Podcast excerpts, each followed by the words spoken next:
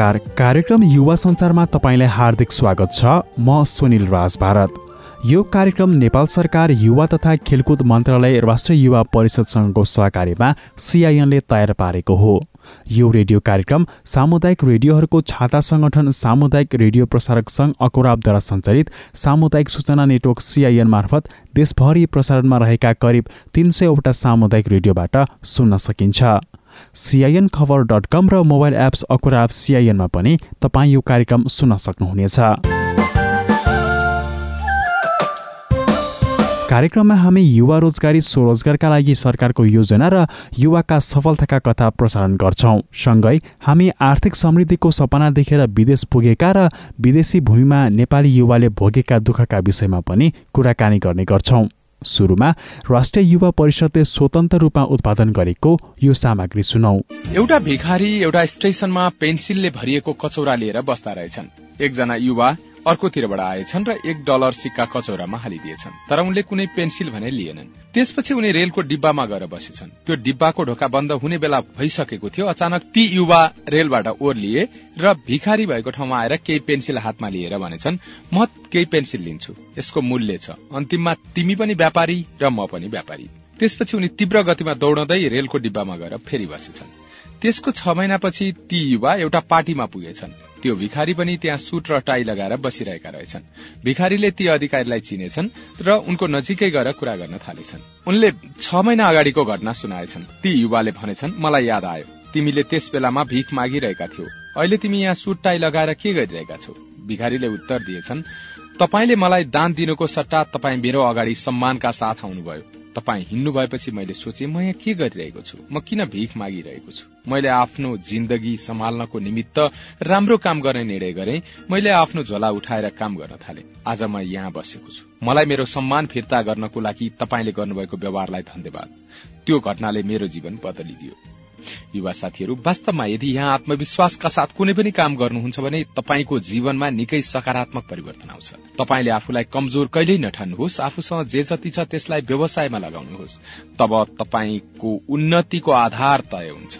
उच्च स्तरको आत्मसम्मानले जीवनमा खुशी भरिन्छ सन्तुष्ट र आफ्नो विचारले भरिएको जीवन बन्छ। अब लागौं आजको कार्यक्रमको विषयवस्तुतर्फ। आजको कार्यक्रममा हामी नेपालमै सूचना प्रविधिको क्षेत्रमा काम गर्न सकिन्छ भनेर सक्रिय रूपमा काम गर्दै आउनुभएका एकजना युवासँगको कुराकानी प्रस्तुत गर्दैछौ। यसै गरी युवाको लागि अवसर श्रोता प्रतिक्रिया र रेडियो सन्देश प्रस्तुत गर्नेछौ। कार्यक्रम सुन्दै रहनुहोला। यतिखेर नेपालको सबैभन्दा ठूलो समस्या भनेको हामीसँग भएका तथ्य तथ्याङ्कहरूको व्यवस्थित रूपमा अभिलेखीकरण हुन नसक्नु हो। भएका केही तथ्य तथ्याङ्क पनि विश्वसनीयतामा निकै प्रश्न छन्। हाम्रो कुन गाउँमा के कति कृषि उत्पादन हुन्छ कुन कुन कुरा हुँदैन त्यसबाट कति समय खान पुग्ला हाम्रो गाउँघरमा के कति रोजगारीका अवसर होलान् त्यहाँ के कति मान्छेहरूले काम गरिरहेका होलान् अनि बेरोजगारको संख्या कति छ होला जस्ता साना साना तथ्य तथ्याङ्क पनि हामीसँग व्यवस्थित छैन। यसै कुरालाई मध्यनजर गर्दै काठमाडौँका उज्जवल उप्रेतीको समूहले नेपाल माइण्ड फ्याक्ट्री कन्सल्ट्यान्ट प्रणालीको स्थापना गरेर यस्तै तथ्य तथ्याङ्कलाई व्यवस्थित रूपमा अभिलेखीकरण गर्नको लागि काम गर्न शुरू गर्नुभएको छ। आजको कार्यक्रममा हामी यिनै उज्जवल उप्रेतीसँगको कुराकानी प्रस्तुत गर्दैछौं। मेरो आफ्नो पर्सनल चाहिँ सरकारी जागिरको एक्सपिरियन्सबाट चाहिँ पनि मैले यो कुरामा गर्न चाहिँ ड्राइभ भएँ। म पहिला जागिर खाँदाखेरि म विद्युत प्राधिकरणमा जागिर गरेँ। त्यो बेलामा कस्तो मलाई फिल भयो भने एकजना इन्जिनियर एउटा अफिसमा नयाँ गयो भने उसको लागि सुरु गर्नको लागि कुनै ठाउँ भएन। त्यहाँ गएर उसले सबै कुरा फेरि साइडमै जान पर्यो फेरि खोज्नु पर्यो फेरि त्यही जेरोबाट सुरु गर्नु। पर्यो। र फेरि म जाने बेलामा पनि मैले अर्को इन्जिनियरलाई पनि मैले केही कुरा दिन सकिनँ। त्यस्तो खालको चाहिँ आफूले एउटा प्रब्लम पनि देख्यौँ र यसलाई चाहिँ सल्भ गर्नको लागि चाहिँ मैले मेरो आफ्नो पोजिसन चाहिँ मैले एउटा जागिर खाएर चाहिँ नर्मल अफिसको काम गरेर भन्दा पनि त्यसबाट अलिकति फ्री टाइममा अलिकति फ्री भएर त्यसमा चाहिने सबै कुराहरूलाई चाहिँ रिसर्च गरेर अनि त्यसपछि गरे भने चाहिँ त्यो चाहिँ एउटा बेटर पनि हुन्छ। र नेपालमा आफ्नो पहिल्यै पनि चाहिँ एउटा इन्टरप्रेनर हुनुपर्ने भन्ने एउटा म आफै फिलिङ राख्ने भएकोले चाहिँ म यता यो यो तपाईँको कम्पनीले के काम गरिरहेछ अहिले? त्यो हाम्रो श्रोतालाई बुझ्ने गरी बताए हाल चाहिँ अहिले हामी चाहिँ स्थानीय तह जस्तै गाउँपालिका नगरपालिकासँग मिलेर चाहिँ डाटाबेस बनाउने र इन्फर्मेसन टेक्नोलोजी बनाउने काम गरिरहेछौँ। अब पहिलासम्म हाम्रो इन्फर्मेसन टेक्नोलोजी चाहिँ सिम्पली कागजमा भएको डाटाहरूलाई चाहिँ रिप्रेजेन्टेसन गर्ने मात्रै थियो। तर त्यो होइन त्यो भन्दा चाहिँ नेक्स्ट स्टेपमा जानौँ हामी। किनभने अब सेटेलाइटको टेक्नोलोजी छ। अब पहिला चाहिँ सेटेलाइट टेक्नोलोजी भनेको युएस आर्मी रसियन आर्मीहरूले युज गर्ने कुरा हो। यो चाहिँ पछि लेट नाइन्टिन नाइन्टिजबाट चाहिँ आम जनतामा बिस्तारै बिस्तारै सबैले चलाउँदै हुन आयो। र अहिलेको करेन्ट सिनारी हेर्दाखेरि टु थाउजन्ड फोर्टिन फिफ्टिनमा चाहिँ अब यही सम्बन्धी अध्ययन गर्ने चाहिँ स्कलरहरूको चाहिँ पिएचडी रिपोर्टहरू थेसिसहरू हेर्दाखेरि पनि उनीहरूले प्रेडिक्सन के गराएको छ भने यो टेक्नोलोजी चाहिँ अबको टू थाउजन्ड ट्वेन्टीदेखि थर्टीसम्ममा चाहिँ ठूलो एक्सप्लोर भएर आउँछ। जसरी इन्टरनेटले चाहिँ डिजिटलाइज वर्ल्डको कन्सेप्टै चेन्ज गरिदियो त्यसरी जिआइएस टेक्नोलोजीले पनि यसलाई कन्सेप्ट चेन्ज गर्छ भन्ने बेसमा चाहिँ अब हामी यो कुरा सुरु गरौँ यो स्थानीय तहबाट सुरु गरौँ डाटा कलेक्सन गरौँ। तपाईँहरूले जुन यो अहिले सुरुवात गर्नुभएको छ यसमा चाहिँ अनलाइनबाट कृषि उत्पादनलाई बजारीकरण व्यवसायीकरण गर्ने कुरा पनि शुरूआत गर्नुभएको भन्ने कुरा मैले थाहा पाएको थिएँ। अलिकति त्यो के हो? अलिकति बताइदिनुहोस् न। जस्तै यो डेटाबेसबाट हामी चाहिँ कस्तो खालको डेटाबेस स्ट्रक्चर राख्दैछौँ भने एउटा गाउँपालिकाले आफ्नो जनताहरू कहाँ छ के गर्दैछ उसको प्रोडक्सन कति छ उसँग जग्गा छ कि छैन नागरिकता छ कि छैन लालबुजा छ कि छैन आदि लगायत जति पनि उनीहरूको रिक्विजिट छ जति पनि एउटा सरकारले उनीहरूलाई दिनुपर्ने कर्तव्य छ त्यो छ कि छैन भन्ने कुरा हामीले डाटाबेसबाट हेर्दैछौँ।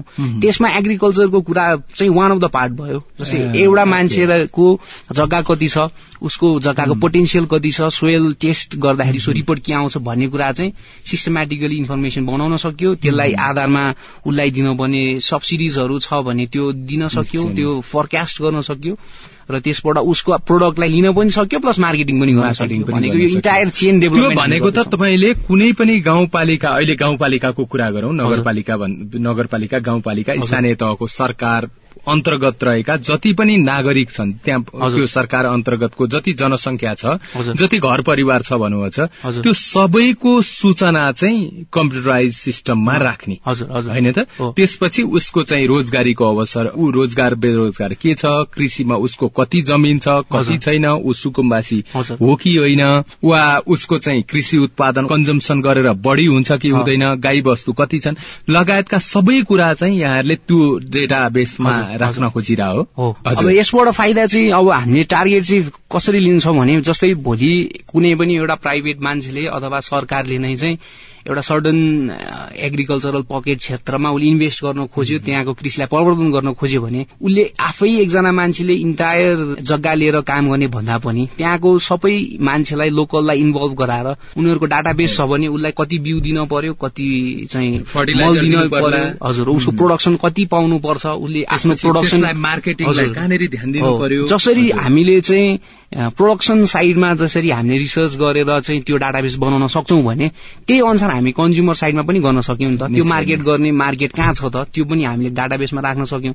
र जिआइएस प्रविधिले हामीलाई सजिलो के हुन्छ भने हाम्रो काम गर्दा एकदम इफिसियन्ट हुन्छ। हामी जस्तै जिआई कुनै पनि एउटा घरको लोकेसन जिपिएसबाट लिइसकेपछि उसको घर जान अब फेरि उसलाई फोन गरेर तपाईँको घर कहाँ छ कुन बाटोबाट छिरौँ दाहिने कि देब्रे कि कति अगाडि भन्न सोधिरहन परेन। उसको ठाउँमा हामी एक्ज्याक्टली एक्ज्याक्टली पुग्न सकिन्छ। त्यसले गर्दाखेरि पनि हाम्रो रिलायबिलिटीमा पनि प्रश्न हुँदैन किनभने त्यहीँ पुगेर मात्रै त्यो जिआइएस सिस्टमले त्यो ठाउँ लोकेट गर्छ नि त होइन? त्यो त्यो ठाउँ नभइकन त्यहाँको इन्फर्मेसन भर्नै मिल्दैन। हो हजुरले त्यो ठाउँमा पुगेर त्यो डाटा नलिन्जेलसम्म त त्यो ठाउँमा त तपाईँको इन्फर्मेसनै आएन त्यसको त एक्युरेसिटी नै आएन। भन्नाले यो गर्नु भनेकै यसले चाहिँ हामीले एउटा स्ट्यान्डर्ड काम गर्यौं भन्ने कुरो चाहिँ त्यो टेक्नोलोजी आउने बित्तिकै त्यसले सुनिश्चितता पनि दियो। यसबाट ठगी भन्ने कुरो चाहिँ रहेन। त्यसमा चाहिँ हामीले ट्रान्सपेरेन्सीको कुरालाई पनि जोड दिन सक्यौँ। तपाईँ पहिला विद्युत प्राधिकरणमा जागिर गर्नुहुन्थ्यो हजुर कति समय जागिर खानुभयो मैले साढे दुई वर्ष खाएँ। नेपालमा धेरै मान्छे चाहिँ जागिरको लागि मरिमेटिरहेछन्। तपाईँ पाएको जागिर साढे दुई वर्ष खाएर अनि छोडेर आफ्नो एन्टरप्रिनियर बन्ने दौड़मा अहिले चाहिँ फेरि संघर्ष गर्दै हुनुहुन्छ। किन? के कुराले मोटिभेट गर्यो तपाईँलाई? जागिर खाँदाखेरिको आफ्नो एउटा सेटिस्फ्याक्सन त हुन्छ नै किनभने नेपाल संसार सरकार अन्तर्गतको कुनै पनि संस्थामा बसेर जागिर खानु भनेको एउटा इज्जतिलो कुरा हो। मैले जागिर छोड्दैमा त्यो नराम्रो कुरो हो भन्ने कुरो होइन। यो चाहिँ मेरो आफ्नो एउटा इन्ट्रेस्टले नै मलाई ड्रागन गरेको कुरा हो। जस्तै मैले म एउटा के म्यासेज दिन चाहन्न कि मैले जागिर छोड्यो भने सरकारी जागिरमा गएका युवाहरूले चाहिँ त्यो छोडेर इन्टरप्रोनरसिपमा आउँछ भन्ने म दिन्न। उहाँहरूले बस्दाखेरि आफ्नो कार्यकालमा आफूले गरेको ठाउँमा बेटर गर्ने हो। तर अझ बेटर गर्न सक्ने पोसिबिलिटिज यदि आफू देखिन्छ भने त्यसमा पनि जान चाहिँ डराउनु भएन हामीले। किनभने चाहिँ नेपाल सरकारको जागिर चाहिँ इकोनोमिकल्ली रिलायबल अहिले छैन। आजभन्दा केही वर्ष अगाडि सायद मान्छेलाई त्यही तलबले सबै कुरा गर्न पुग्थ्यो होला तर त्यही तलबले अहिले पुग्दैन र सरकार पनि हाम्रो तलब चाहिँ बढाउन सक्ने क्षमतामा अहिले भएको पनि छैन। त्यो एउटा फ्याक्टर पनि कतै न कतै हो जस्तो लाग्छ मलाई। तर त्यो भन्दा पनि एउटा नयाँ केही गरौँ। अहिले किनभने एउटा सरकारी कर्मचारी भइसकेपछि बनेको नियममा मैले फलो गर्ने हो। त्यो नियमै चेन्ज गर्छु भन्ने कुरा गर्नलाई त म त्यो निस्केर त्यहाँबाट आउनै पर्छ नै। किनभने त्यहाँ जाँदाखेरि जस्तै म एउटा विद्युत प्राधिकरणको इन्जिनियर भयो भने र मैले मेरो कार्यकारी अधिकृतसँग भेट्नु पर्यो भने त्योभन्दा अगाडि मैले अरू दसजनालाई भेटेर मात्रै पाउँछु। किनभने त्यसको आफ्नो चेन अफ कमान्ड छ जुनलाई मैले रेस्पेक्ट गरेर जानुपर्छ। तर म एउटा फ्री इन्डिभिजुअल हो भने र मैले एउटा विद्युतसँग गरेको कुनै कुरालाई बेटर तरिकाले म्यानेज गर्न सकिन्छ भने उहाँलाई त म डाइरेक्ट गर्न भेट्न सकिने। एउटा त्यो फ्रिडम पनि मैले पाउँछु भनेर चाहिँ मैले हजुर तर यसको मतलब अर्को एउटा महत्वपूर्ण कुरा चाहिँ नेपालमा उद्यमशीलताको सम्भावना चाहिँ प्रचुर छ भन्ने देखेर तपाईँले त्यहाँ जगिर छोड्नु भयो नि त हजुर अब नेपालको उद्यमशीलतामा सम्भावना छ भनेर त हामी कागजमा त धेरै रिपोर्ट छ नि यो हामीसँग क्लाइमेटको डाइभर्सिटी छैन कि हामीसँग चाहिँ ल्यान्डको डाइभर्सिटी छैन कि सोइलको डाइभर्सिटी छैन कि। हाम्रो देशमा तराईमा पनि आँप छ यो उच्च पहाड़को झापामा पनि फल्यो भने ताप्लेजुङमा पनि फल्छ। हामीसँग पोसिबिलिटी हजुर पोसिबिलिटी नभएको होइन। हामीले पोसिबिलिटी भएको कुरालाई हामीले चाहिँ म्यानेज गर्न सकेका छैनौँ। त्यसलाई मार्केट गर्न सकेका छैनौँ। यहाँबाट चाहिँ चोरी निकासी बढी हुन्छ। अब सबै कुराहरू चाहिँ इलिगल वेजबाट चाहिँ ट्रेड भइरहेछ। न त्यसले चाहिँ प्रोड्युसरलाई फाइदा गर्छ न त्यसले चाहिँ गभर्मेन्टलाई ट्याक्सेसन दिइरहेको छ अब यो कुरा चाहिँ ब्रिज गर्न जरुरी छ। जुन तपाईँले काम सुरुवात गर्दै हुनुहुन्छ कतिजना टिममा कति मेम्बर हुनुहुन्छ तपाईँको हामी अहिले एज अ कम्पनी डेभलप गर्नलाई चाहिँ हामी चारजना बसेर गरिरहेछौँ तर यसमा डाइरेक्टली इन्डाइरेक्टली इन्भल्भ हुने चाहिँ अरू साथीहरू पनि हामी लगभग दस बाह्रजनाकै ठुलै टिम छ यो एक्जिक्युट गर्नको लागि चाहिँ। जस्तो यो भनौँ न अहिले हामीले हेर्छौँ भनेदेखि अब यो स्थानीय तहकै कुरा गर्छौँ स्थानीय तहको सरकारको कुरा गर्छौँ भने यो इन्फर्मेसन सिस्टम त साह्रै राम्रो आकर्षक छैन अलिक कमजोर छ कि? यो अवस्थामा तपाईँहरूले कति अप्ठ्यारो कतिको संघर्ष गर्नु परिरहेछ त्यहाँ? संघर्ष त एकदमै किन पनि संघर्ष हामीमा छ भने स्थानीय तह बन्यो त्यस्तै सबै सरकारी स्थानीय तहको आफ्नो वेबसाइट छ सबै सरकारी तहले आफ्नो आन्तरिक कुराहरू आफ्नो चाहिँ भएको फेसिलिटिज आफ्नो नेचुरल डाइभर्सिटी आफ्नो प्रोडक्सनदेखि लगायत यी आदि इत्यादि जति पनि एउटा स्थानीय तहले इन्फर्मेसन फ्लो गरेर देखाउनुपर्छ त्यो सबै कुराहरू बनाएर देखाउनु पर्ने भन्ने पनि छ। तर हामी कहाँ प्रब्लम के छ भने हामी कहाँ कुनै पनि काम गर्नलाई मैले चाहिँ यो अहिलेको आइटीको सेक्टरको मात्रै कुरा गरिन। विद्युतकै सेक्टरमा भए पनि अरू कन्स्ट्रक्सनकै सेक्टरमा भए पनि हामीसँग स्ट्यान्डर्ड नर्म्स छैन नेपाल सरकारले बनाएको। एउटा कुनै पनि व्यवसायी एउटा कुनै पनि उद्यमी एउटा नयाँ काम लिएर गर्न खोज्छ भने उसले के फलो गर्ने त? भन्ने कुराको उसँग डक्ट्रिन छैन। उसले कहिले अब हामी जस्तै चाहिँ विद्युत प्राधिकरणकै मेरो एक्सपिरियन्स हुँदाखेरि कहिले हामी चाहिँ इन्डियन स्ट्यान्डर्डको चाहिँ सामानहरू प्रोडक्सन गरेर चलाउँछौँ। कहिले फेरि अब अमेरिकन अथवा यु चाहिँ वर्ल्ड ब्याङ्कको फन्ड भयो अथवा एडिबीको फन्ड भयो भने उनीहरूले तय गरेको स्ट्यान्डर्डमा फलो गर्छौँ। तर हाम्रो आफ्नो खोइ त हाम्रो नेपाली प्रोड्युसरले चाहिँ एउटा काम गर्नु खोज्यो नेपाली उद्यमीले एउटा काम गर्नु खोज्यो आइटीकै सेक्टरमा काम गर्नु खोज्यो भने के फलो गर्ने त? हामीसँग स्ट्यान्डर्ड त वे छैन। सरकारले भन्छ स्ट्यान्डर्ड वेमा फलो गर्ने बाहिरको वे फलो गर्ने तर त्यतिले पुगेन नि। एउटा इन्जिनियरले काम गर्नु खोजिसकेपछि उसको इच एन्ड एभ्री स्टेपमा उसले लिगलाइज वेमा काम गर्न खोज्छ नि त। त्यो कुराको अभावले चाहिँ अलिक अप्ठ्यारो छ यो काम गर्नलाई त सायद यो कुरा एड्रेस पनि होला फ्युचरमा हजुर। हामी लगभग कुराकानीको अन्त्यमा छौँ। अब यो के तपाईँको अहिले त भर्खर एउटा दुईटा स्थानीय तहको सरकारसँग काम गरिरहनु भएको छ। यसलाई बढाउनको लागि के कस्तो योजना बनाइरहनु हामीले चाहिँ अब हामीले भन्दा अब सायद ठुलो सुनिएला अब कति ठाउँमा तर मलाई आफूलाई पर्सनली के लाग्छ भने जिआइएस सिस्टम भनेको चाहिँ अहिले जस्तै थर्ड इन्डस्ट्रियल रेभोल्युसन भनेर चाहिँ यो जरो एकजना अमेरिकन समथिङ रिफ्किन भन्ने एकजना चाहिँ इकोनोमिक्स प्लस सोसियलिस्ट उहाँले चाहिँ फोर्थ इन्डस्ट्रियल रिभोल्युसन भन्ने चलिरहेछ। मैले भर्खरै एउटा किताब पनि पढाएको थिएँ। त्यो चाहिँ फोर्थ इन्डस्ट्रियल रिभोल्युसन भन्ने किताब जो चाहिँ यो इन्टरनेसनल इकोनोमिक फोरमको प्रेसिडेन्टले लेख्नु हजुर हजुर। हो हो।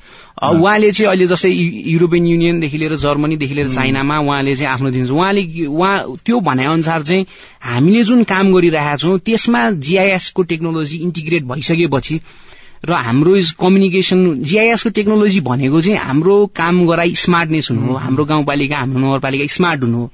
त्यो एउटा स्टेप हो जिआइएस भनेको चाहिँ। यो भइसकेपछि चाहिँ हामीले चाहिँ त्यो थर्ड इन्डस्ट्रियल रेभोल्युसनमा चाहिँ हामी पुग्छौँ। त्यसको लागि यो चाहिँ यो इन्फ्रास्ट्रक्चर हो भनेर चाहिँ यो अहिले जर्मनीले चाइनाले यसमा एकदम ठूलो डेभलपमेन्ट हिसाबमा लागिरहेछन्। र अब सधैँ नेपाल चाहिँ सधैँ पछाडि पर्यो जुन पनि एरामा पछाडि पर्यो भनेर जुन हाम्रो चाहिँ विगतको चार पाँच दशक बित्यो। तर अब हामीले सक खोज्यौं हामीले एउटा चाहना राख्यौं भने चाहिँ हामीले वर्ल्ड टेक्नोलोजीमा संसार जहाँ छ हामी पनि त्यही पोइन्टबाट स्टार्ट गर्न सक्छौँ। यो एउटा च्यालेन्ज पनि हुन्छ सरकारलाई। र यो काम एक्जिक्युट गर्नको लागि चाहिँ सरकारले आफ्नो नीति एउटा स्थानीय तहमा एउटा कन्सल्टेन्ट गएर स्थानीय तहलाई मागेर भन्ने होइन कि यो चाहिँ सरकारको मन्त्री स्तरीय लेभलबाट हुन्छ कि अथवा कुन लेभलबाट हुन्छ क्याबिनेटबाट हुन्छ त्यो लेभलबाट चाहिँ यसलाई चाहिँ इस्टाब्लिस गरिदिनु पर्यो र यो काम गर्नको लागि चाहिँ अरू मान्छेहरूलाई बोलाएर एउटा कमन फोरम बनाएर चाहिँ उहाँहरूलाई ट्रेनिङ दिएर हुन्छ कि सबै कुरा चाहिँ व्यवस्थापन सरकारले पनि अलिकति दायित्व यसमा लिनुपर्ने चाहिँ जरुरी छ। हजुर। त्यो सबै स्थानीय तहबाट हामीले डेटा कलेक्सन गरेर जुन जिआइएस टेक्नोलोजीबाट डेटा कलेक्सन गरेपछि त्यो नेसनल सर्भरमा पनि जोड्न मिल्छ। यसको कन्सेप्ट कस्तो छ भने हामीले चाहिँ प्रत्येक सानो सानो नोडहरू बनाउँछौँ। जस्तै स्थानीय तहको एउटा नोड होला त्यस्तै विद्युत प्राधिकरणको एउटा नोड होला सड़क विभागको एउटा नोड होला।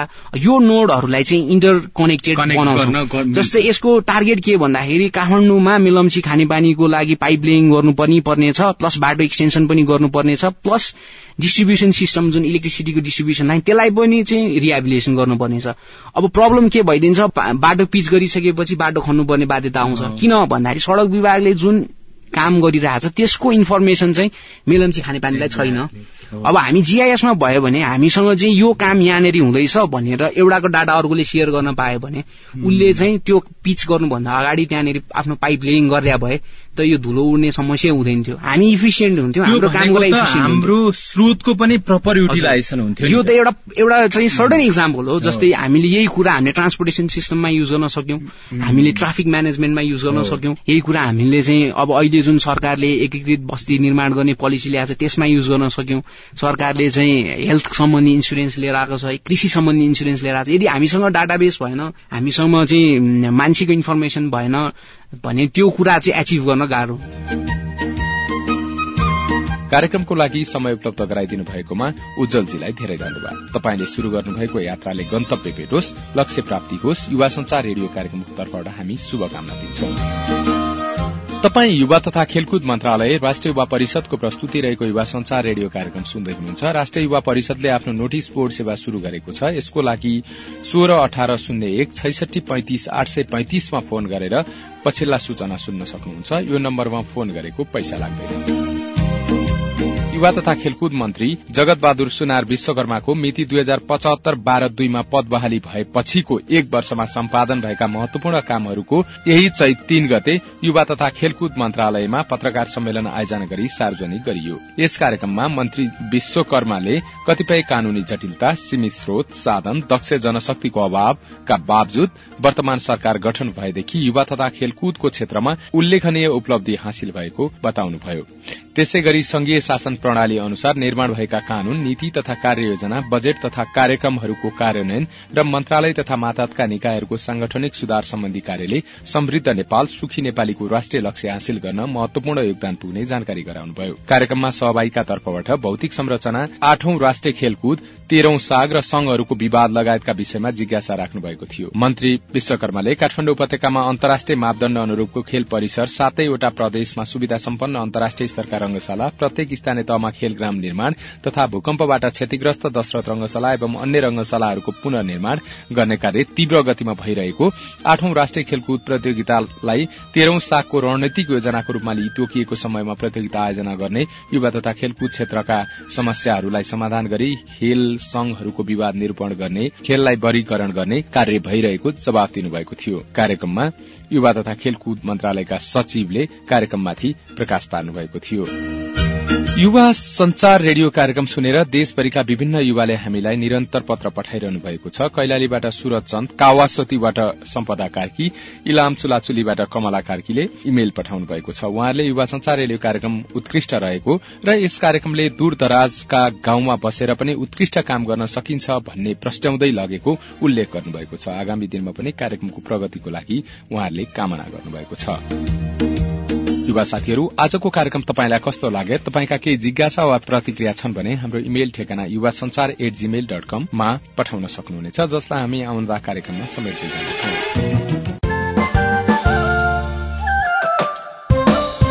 यो सामग्रीपछि अब एउटा रिपोर्ट सुनौ।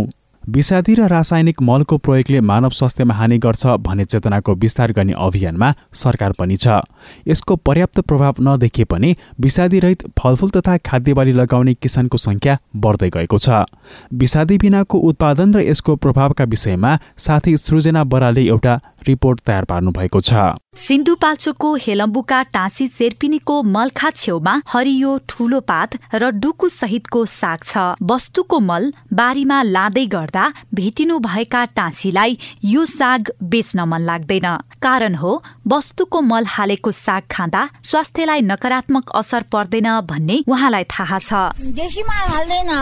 माटो बिग्राउँछ अरे अनि बिग्रेपछि यो माटो कहाँ पुऱ्याउनु हामीले भोग्नु सक्दैन। मेलम्चीका सीता धिताल पहिले तरकारी बालीमा रासायनिक मल हाल्नुहुन्थ्यो तर दुई चार वर्ष भयो उहाँले गाईबस्तुको पिसाब हाल्न थाल्नुभयो। बाल्टीमा मल ल्याएर मकैको बोटतिर हाल्न थाल्ने अनि हाम्रो त यत्रो त घोगाएको हाल्दा त्यो रो- मलले मात्रै आउने रहेछ र पिसाबले पनि आउँदो रहेछ नि बस्तुको पिसाबले। म त्यो पानी मिसाएर हाल्दाखेरि भन्ने भयो कि। अनि त्यसो गर्दा त्यो बेला झन् एउटै पाटामा दस बारी मकै भयो। अनि बाक्लो राखेर यत्तिकै राखेको थियो मैले। लसुनहरू अह त्यो गोडमेर गर्ने बरु खरानीहरू लएर हालिदिएँ अर्गानिक अर्थात विषादी र रासायनिक मल बिनाको उत्पादन स्वास्थ्यका दृष्टिकोणले मात्र होइन आमदानीका हिसाबले पनि राम्रो छ।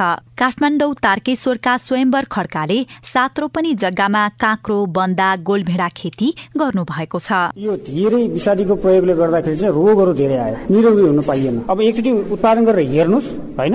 अनि भएन भने चाहिँ त्यसको चाहिँ बदला चाहिँ दुई सय पर्सेन्ट दिनुपर्छ कि चार सय पर्सेन्ट दिनुपर्छ? त्यसको भर्ताल म दिन्छु भनेर म ग्यारेन्टी लिन सक्छु। नेपालमा कुल जनसंख्याको सडसठी प्रतिशत नागरिक कृषिमा आश्रित छन्। कति प्रतिशतले प्राङ्गारिक खेती गरिरहेका छन् भन्ने तथ्याङ्क सरकारसँग नभए पनि विषादी र रासायनिक मलको प्रयोगलाई निरुत्साहित गर्ने योजना सरकारको छ। कृषि तथा पशुपक्षी विकास मन्त्रालयका उपसचिव गंगादत्त आचार्य। क्रमशः हामीले रासायनिक मललाई आयात गरेर जुन वितरण गर्ने गरेका छौँ यो कुरालाई घटाउँदै लैजानु पर्यो। प्राङ्गारिक वस्तुहरूको चाहिँ उत्पादन बढाउनु पर्यो। प्राङ्गारिक मलको प्राङ्गारिक हिसाबले रोग किराहरू नियन्त्रण गर्ने विधिको प्रविधिहरू विकास गर्ने बारेमा हामीले सोच बनाउनु पर्यो होइन। त्यसैले नीतिगत रूपमा चाहिँ अब कस्तो खालको दृष्टिकोणलाई प्रवर्धन गर्ने संस्थागत हिसाबले कस्तो संस्थागत संरचना बनाएर अब हामीले यो प्राङ्गारिक कृषिको कार्यक्रमलाई अगाडि बढाउने सुझाव दिने हिसाबले नेपाल सरकारले त्यो उच्च स्तरीय प्राङ्गारिक कृषि प्रवर्धन सम्बन्धी उच्च स्तरीय जुन कार्यदल बनाएको छ र थोरै मेहनत गरेर पनि धेरै आमदानी र उत्पादन गर्ने भ्रममा परेर किसानले विषादी र रासायनिक मलको प्रयोगमा लाग्ने गरेको पाइन्छ। गाईवस्तुको मल प्रशस्तै हुने किसानले पनि रासायनिक मलको प्रयोग गर्ने परिपाटीको अन्त्य हुनुपर्ने बताउँदै कृषि विज्ञ डाक्टर कृष्ण प्रसाद पौडेल। जी उहाँले सिक्नु भएको छ नि कि यो रसायनले खराब गर्दो रहेछ विषादीले खराब गर्दो रहेछ यो खानका लागि योग्य रहन्छ भनेर उहाँहरूलाई थाहा भइसकेको छ। हो त्यो कुराहरूका आधारमा खाने कुरा चाहिँ पैसाको मात्रै कुरा होइन। यो त हाम्रो मानव स्वास्थ्यको कुरा हो। पहिलो कुरा चाहिँ स्वस्थ खाने कुरा हो भन्ने कुरा चाहिँ हामी सबैले बुझौँ भन्ने मात्रै कुरा नेपालले अर्गानिक कफी उत्पादनमा राम्रो योगदान गरेको छ र वार्षिक सात करोड़ रुपियाँ बराबरको निर्यात हुन्छ। फलफूल र अरू उत्पादनलाई पनि विषादी र रासायनिक मलबाट टाढा राख्न सक्ने हो भने उत्पादकलाई मात्र होइन उपभोक्तालाई पनि फाइदै फाइदा हुने देखिन्छ। सृजना बराल सीआईएन काठमाडौँ। रोजगारीको एउटा राम्रो सम्भावना भएको क्षेत्र हो कृषि। हाम्रा उत्पादनहरू विषादीरहित बनाउन सके बजार राम्रो हुन्छ भने उपभोक्ताको स्वास्थ्य पनि बिग्रन पाउँदैन। यही विषयसँगै आजको लागि कार्यक्रम युवा सञ्चारको समय सकिने लागेको छ। आजको कार्यक्रम तपाईँलाई कस्तो लाग्यो? हाम्रो फोन नम्बर शून्य एक बाहन्न साठी छ हजार छमा फोन गरेर प्रतिक्रिया रेकर्ड गराउन सक्नुहुनेछ। हामीलाई प्रश्न प्रतिक्रिया र टिप्पणीसहित लेखी पठाउनका लागि हाम्रो इमेल ठेगाना हो साझा खबर एट जिमेल डट कम हवस् त आउँदो साता फेरि कार्यक्रम युवा सञ्चार लिएर उपस्थित हुने नै छौँ। प्राविधिक साथी सुभाष पन्तलाई धन्यवाद। म सुनिल राज भारत पनि बिदा हुन्छु। मेहनत गरौँ देशैमा पसिना खेर नफालौँ विदेशमा। नमस्कार।